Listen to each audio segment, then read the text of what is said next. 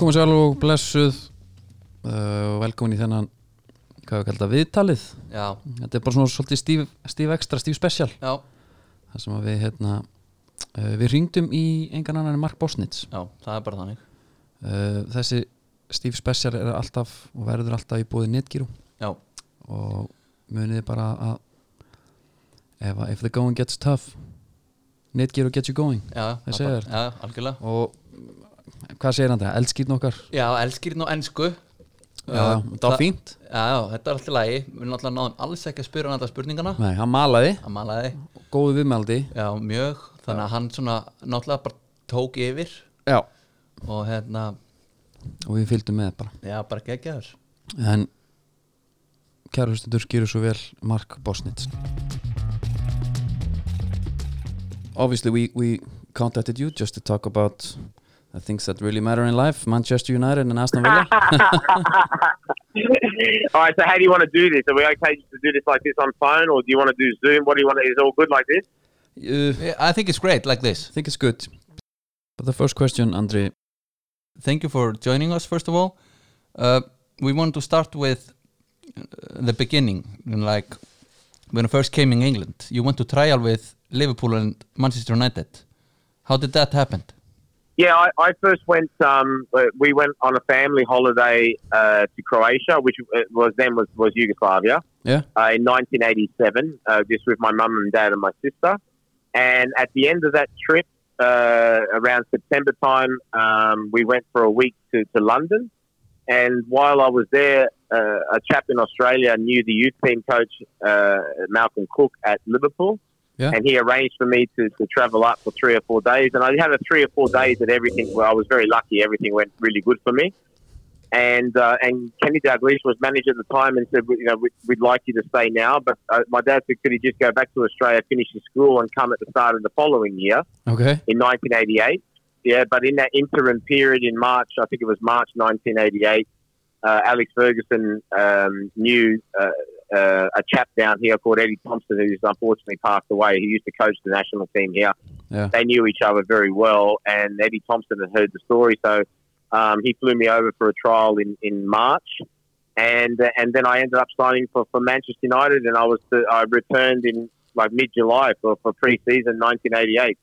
yeah I mean uh, I'm just wondering about the re- reason why you chose United instead of Liverpool was it just Alex Ferguson or what was it time, yeah, at that time, Alex Ferguson was was, was pretty determined. He, uh, he he kind of like you know he kind of sort of said like you're signing for us and that's it. So so that was Okay. sort of thing. I was like I, I was a young starry-eyed boy, and, and he rang my parents and he assured my parents that you know we'd be able to get a work permit and and I'll be this that and the other. And so I think it was mainly it was mainly that. Yeah, Yeah. yeah.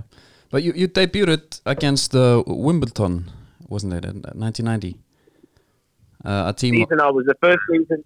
Yeah. Correct. The first season I was there. The first season I was there, I did my and I sort of did my apprenticeship, if you like, and, and played in B team and A team and reserve league.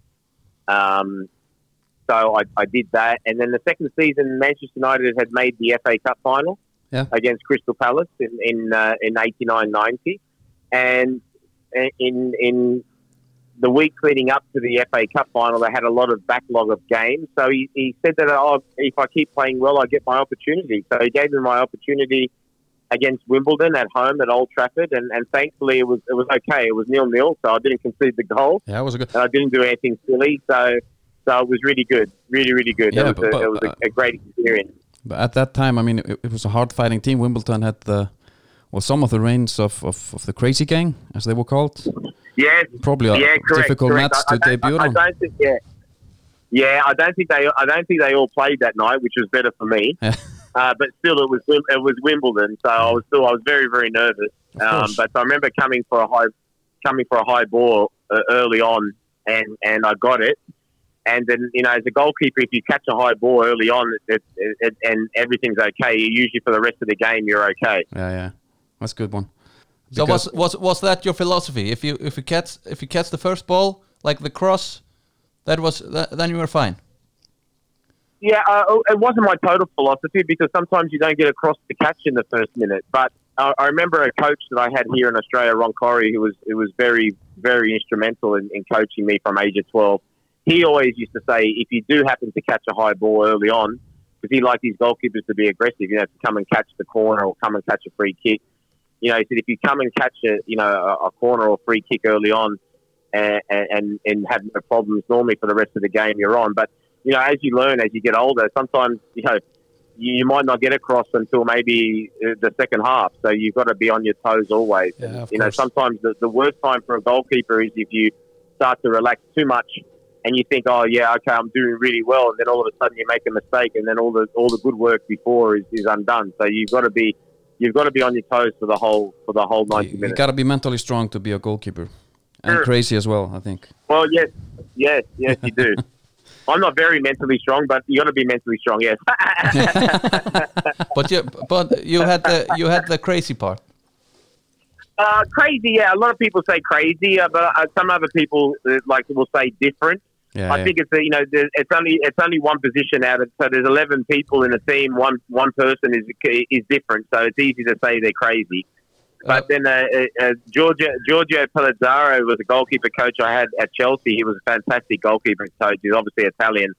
Uh, he used to always say he was obviously an ex goalkeeper. He used to always say that. Uh, that everyone calls the person crazy because they they they're afraid of what they're going to say. Because if they say something that's close to home, they can just say, "Oh, don't worry about him. He's crazy." okay, but how did things end? You know, during the time at, at United, because you you, you went back to Australia. yeah, the following. Yeah, correct. I, I couldn't get the work permit unfortunately in the end. Okay. So um, the fol- the following season, I play. Um, Sir Alex gave me two games. Yeah. Um, right towards the end again, one against Derby and one against Tottenham, uh, which again was a great experience. But unfortunately, I couldn't get a work permit to stay in the country, so I had to return to Australia for, for about six months or so. Okay. Um, so that was that was that was tough, very very tough because you know I I don't mind it. It doesn't matter where I'm at. You know, it didn't matter if I was at Manchester United or if I was at uh, you know uh, I don't know Rotherham United. Yeah. It, it doesn't matter for me if they say to me, "Look, okay, we don't think you're good enough." It's okay, fair enough. That's understandable. But if if uh, if if they say you're good enough, but because of where you're born, and which you have no control over, somebody says, "I'm sorry, you can't work here because you're born in that country." It was very Yeah. difficult to take at, at such a young age. Yeah, kind kind kind of unfair for a young lad to have to return after after you got the Oh, smell yeah, of I- professional. That's how I, yeah, yeah, that's how I felt at the time. But Yeah. uh, uh, you know, in the end, I was lucky because I, I came back. I was very, very lucky. But at that time, it was very difficult. It was difficult to take, you know, because you come from, like I said, you, you I, the, the last game I played was at Old Trafford against Tottenham Hotspur. Um, in front of the, you know, in front of 40, 50,000 people, and then you have to come back, um, and uh, to, to to to Australia, which I love. The, the place of Australia I love, and, and I, but you have to come back to it. It's a different, completely different to what to what you're used to. different so I guess surroundings. you just have to adapt to it. Yeah. Yeah. So 92, Aston Villa came knocking. Uh, was there any doubt joining the team then, or, Yeah. or just very happy? No, there wasn't. Look, when- when Aston Villa come knocking, funny enough, and I was speaking about that tonight to, to some friends. Uh, Aston Villa come knocking, and uh, uh, uh, the team I was playing for here in Sydney, Yeah. I'd been sent off in a game, and the goalkeeper that come in, Joko Kalat, uh, who ended up uh, in the end, he, was at AC Milan for some time towards the end. I know him very well, but he come on, came in to, to the team I was playing for and did such a good job that that I ended up, I was playing in the youth team.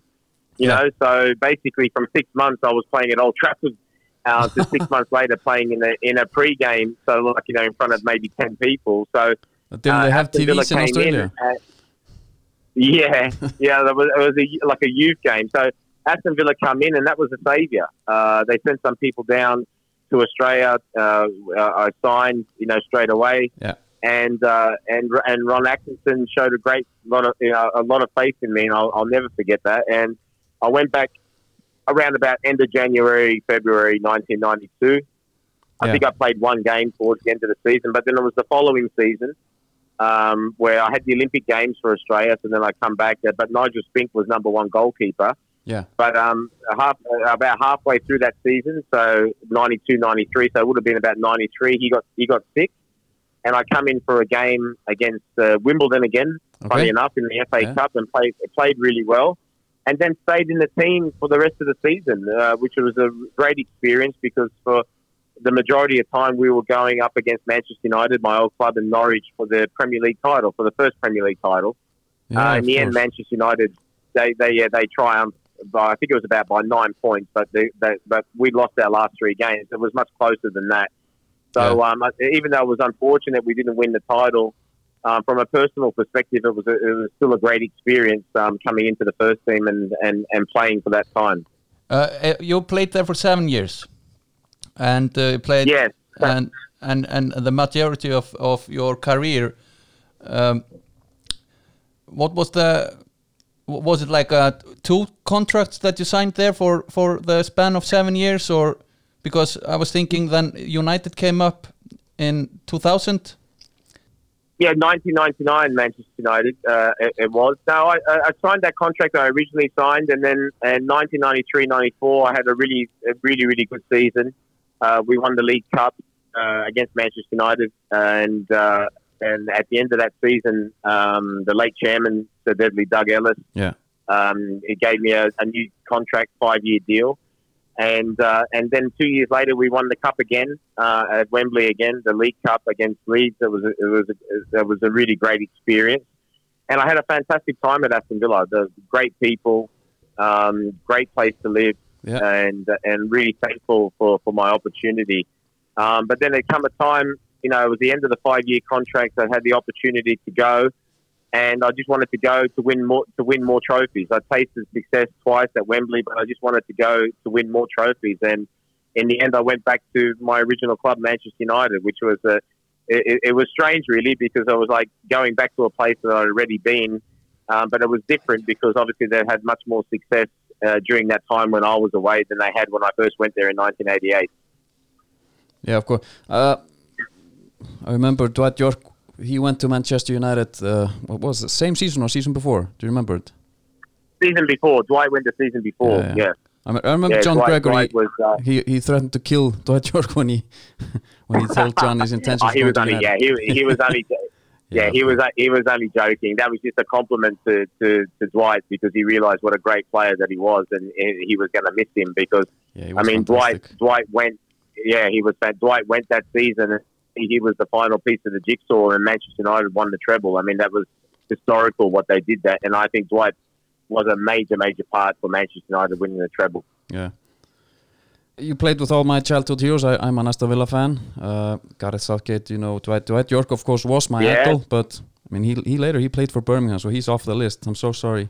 but, but today, I mean, I'm just wondering, eh, eh, how's your feeling towards Aston Villa? Is, is Aston Villa your team in England today? Oh, look, uh, all three teams are my team. Yeah. I, I, I, you know, Aston Villa, Chelsea, and, and Manchester United. Aston Villa will always be special because that's where I won my first trophy. Manchester United will always be special. I've got a soft spot for because that's the first club I ever played for, and you know I ended up winning the Premier League Yeah. and, and the World Club Championship with them, and Chelsea as well. Even though it was a short time and it didn't end particularly well, but that was nothing to do with football, unfortunately. Um, I, I had a great time while I was there. Great people. Uh, London was London was the most similar place in England for me to Sydney, uh, where I grew up here in Australia. Yeah. Um, but I had a fantastic time. There's not a day that goes by where, where I, if I had the access to a time machine, that I wouldn't press the button and go back to that time. It was a great time. Very, very lucky to, to have the time that I did. Yeah, I believe that. United is, of course, you know, the, a huge team then and of, of course now. But uh, I mean, you worked under Sir Alex, uh, and when we talk about titles and trophies, he's of course the best of the best. How was your relationship with him? Yeah. Oh, look, at the, the, the end of the the end of the day, like I tell everybody, um, you know, Sir Alex gave me my chance in English football, and Yeah. I'll never forget that. Um, and, and, and without him giving me that opportunity way back in 1988, I never would have achieved what I did in football. Yeah. Um, and he signed he signed me again uh, uh, in 1999, and even though, like I said, to, to, towards well during the during the second time there, we kind of fell out. Um, but at the end of the day, the, the, the boss is the boss, and like you just said, I, I, I count myself very very lucky to work under. Uh, arguably the greatest manager of all time. You know, you, you- Yeah. you could argue with a lot of managers, um, you know, the, who are- but he's definitely in that group. When you're talking about the greatest managers of all time, you know, there, there's a group, and a lot of people will say who their favourite one is for whatever reason, you know, whatever reason that may be. Um, but in terms of his trophy haul, there's, there's no one greater, um, and he's done a fantastic job. Uh, he'd done a fantastic job at Aberdeen before he comes to Man United, Yeah. and at Manchester United, you know, he, he you know he basically uh, you know reintroduced the glory days. It was Uh, tough for him at the start.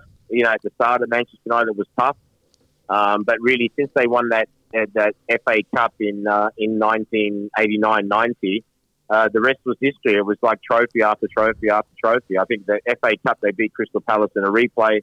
The following year they beat Barcelona in the European Cup Winners' Cup, the old European Cup Winners' Cup. Yeah. Uh, the season after was the League Cup. Then they won the Premier League. Then they won the Premier League and the FA. It was just it was just constant, you know. Yeah, Yeah. And in the end, the, the ultimate the ultimate prize, obviously winning the European Cup in in uh, in 1999, and then re, and then winning it again in, in 2008. It was amazing. Yeah, we were, we were wondering, um, talking about Sir Alex, that uh, his his famous uh, hair dryer treatments. Mm. Did you, did you uh, were you ever on the receiving end there? Yeah, uh, probably probably more the first time when I was a young kid than the second time. But yes, yes, every, everyone everyone got a Yeah. uh, if you want to call it the hairdryer treatment. Every, everyone got it if you weren't performing to the standards that he expected. That that was only natural. But you know what? At different times, then I, I don't know whether or not uh, in in this day and age, I, I don't know because I'm not in the dressing room now. But you know, a lot of people say who are in dressing rooms that you know in this in this day in this age that um that that wouldn't maybe you know wouldn't have the same effect that it once did. But at that time, it, was a for me it was you know I did my my finishing school at Manchester United from Yeah. 1988 to 91, and it was always sort of drummed into you that you know it was it was very important how you responded to when your manager, whether it be the first team manager, whether it be the, the reserve team manager or the youth team manager, when they did have a bit of a go at you, for whatever reason it may be, it was very important that you responded very well. So that was sort of drummed into me at a young age. So you become used to it, you know, in, in terms of the fact that it always had its effect. Don't worry about that. But you become used to accepting it and saying, right, now I'm going to put that right. And I, that was very, very important to, to my upbringing and very, very important to my development as a footballer. Yeah, we call it old school in Iceland. we have the new school now. okay, I'll uh, yeah, maybe, More, more, maybe. But look, listen, uh, uh, times change. You know, uh, you know, I yeah, like you know, I look at my kids now. You know, especially during the lockdown, and I, and I look over and I say, you know, do you want to go outside and play basketball, or do you want to go outside and play football? And they look at me with their iPads and say, no, we're okay. they, they just watch Yeah. that iPad all day. So I Yeah. think, oh, okay, fair enough. So it's, you know, times change. Yeah, and maybe when they're, you know, maybe when they grow up, maybe it'll be something different. Maybe it'll be, you know, maybe they'll be saying, you know, that maybe they'll be saying like like we're saying, oh, you know, during our day we just used to watch our iPad. Now you do. So it, times always change. Yeah, of course. Uh, uh, one thing Yeah. uh, about Al Sir Alex, he uh, he criticized your professionalism. Why was that? Yeah. Wa- Was it your, well, I think was it your I diet really- or yeah, lifestyle? no, I, th- I think I think it was in reference. I, I I haven't read the exact paragraph, but I think it was in one of his books. yeah, I think it was in reference uh, in reference to, uh, to something to do with my diet. But look, the, the bottom line is, uh, it, it- for that actual situation that I was read out to me in the book, uh, he, he, in my opinion, and my he's got his opinion. My opinion here was wrong. Yeah. But at the end of the day, um, you know, he, he- he's the manager. So, uh, and like I said to you, as part of you know your upbringing, you you learn that. You know, the, the boss is the boss. You know, rule Yeah. number one, the boss is always right. Rule number two, if the boss is wrong, uh, have a look at rule number one. Uh,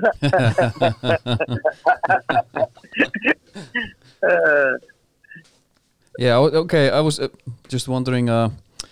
Your stint at Chelsea, of course, was, was short uh, due to your ban, but I read somewhere that Aston Villa, Yeah. le- the Aston Villa legend John Terry, is now a legend for me at least. Uh, he tried to talk you out of some bad company. Do you recall this?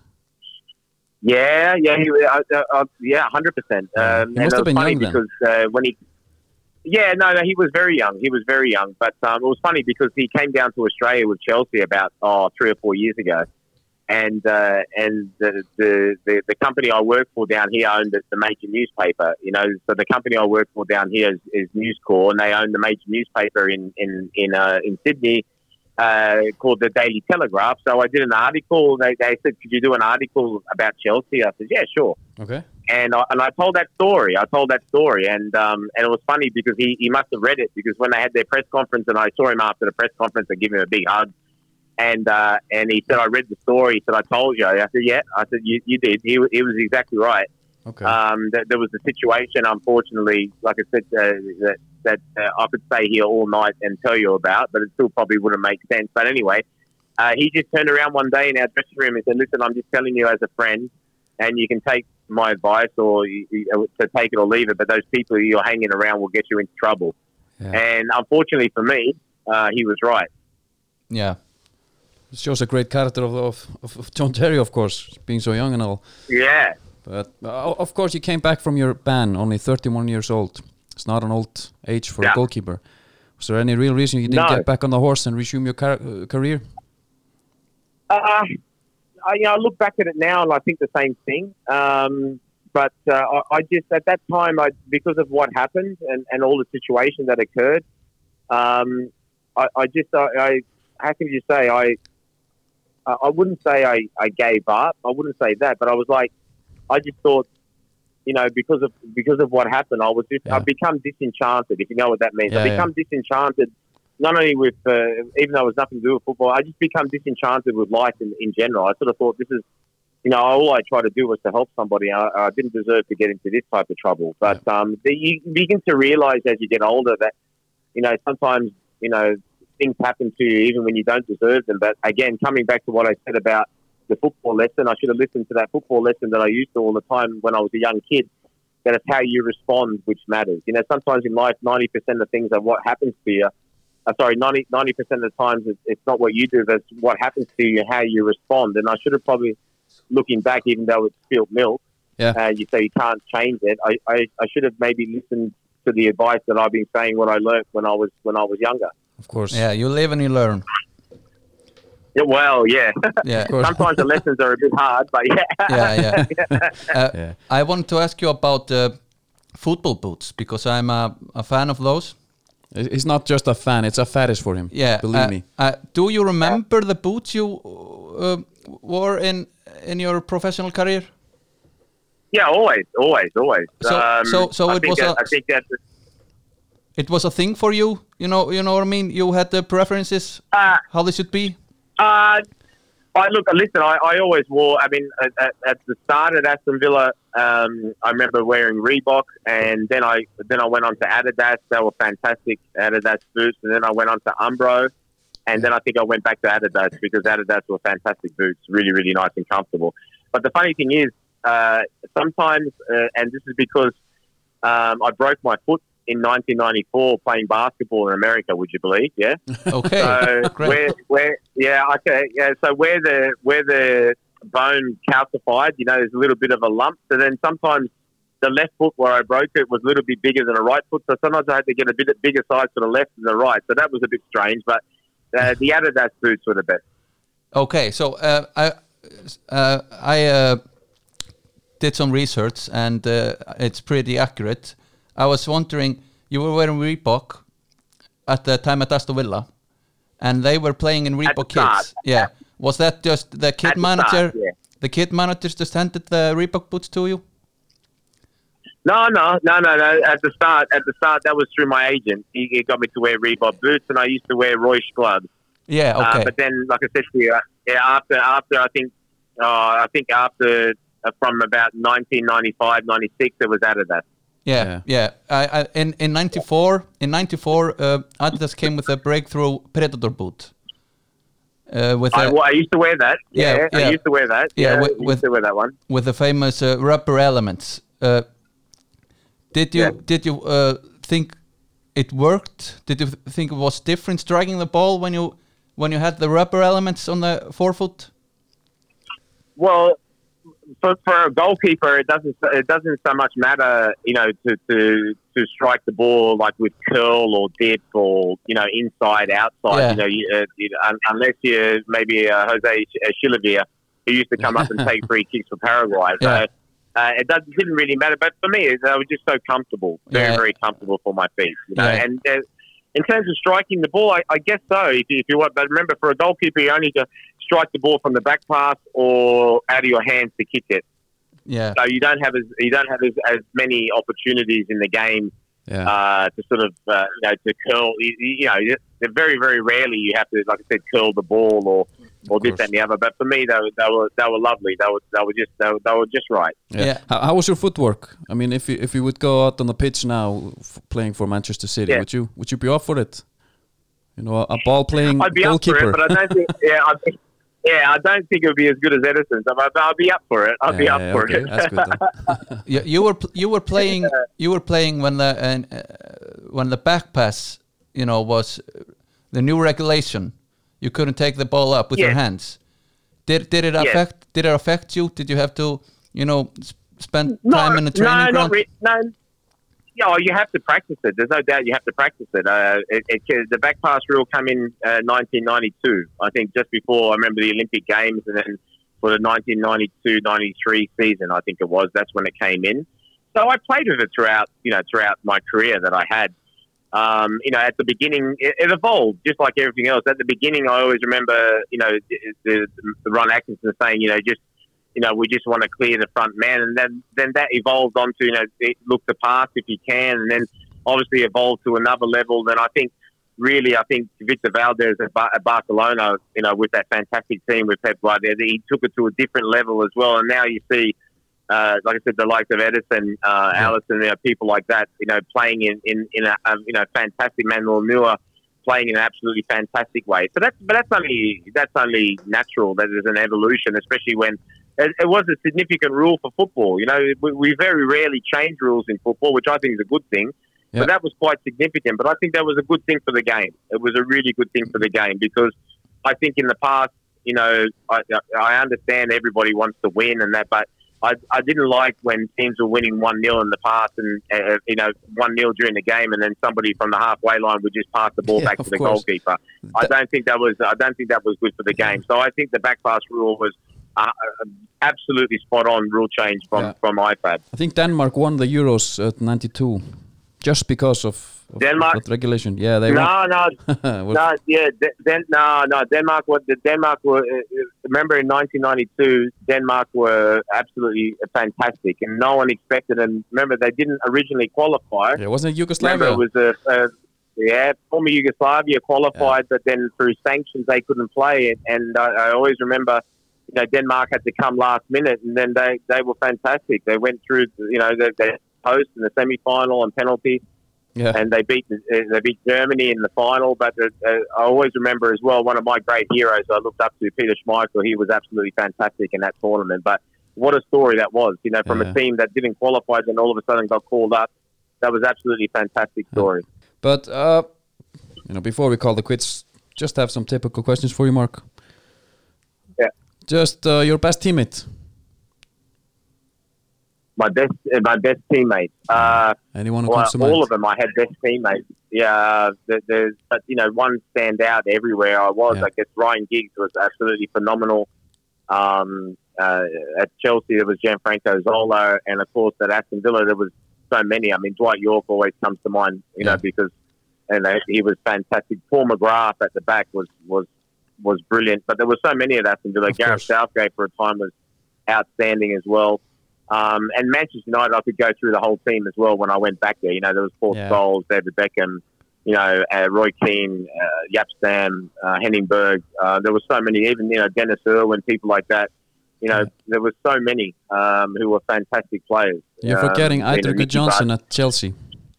uh, well, I'm getting Icelander. onto Chelsea. I had a good, you know, uh, but before I get on to Chelsea, I wanted to talk about as well, like Ole Gunnar Solskjaer, who's Oh, now the yeah, manager. yeah. What an unbelievable finisher he was. You know, Teddy Sheringham. Um, then to Chelsea, I mentioned Gianfranco, but there was Eidur Gudjohnsen, who was who was phenomenal, absolutely phenomenal striker.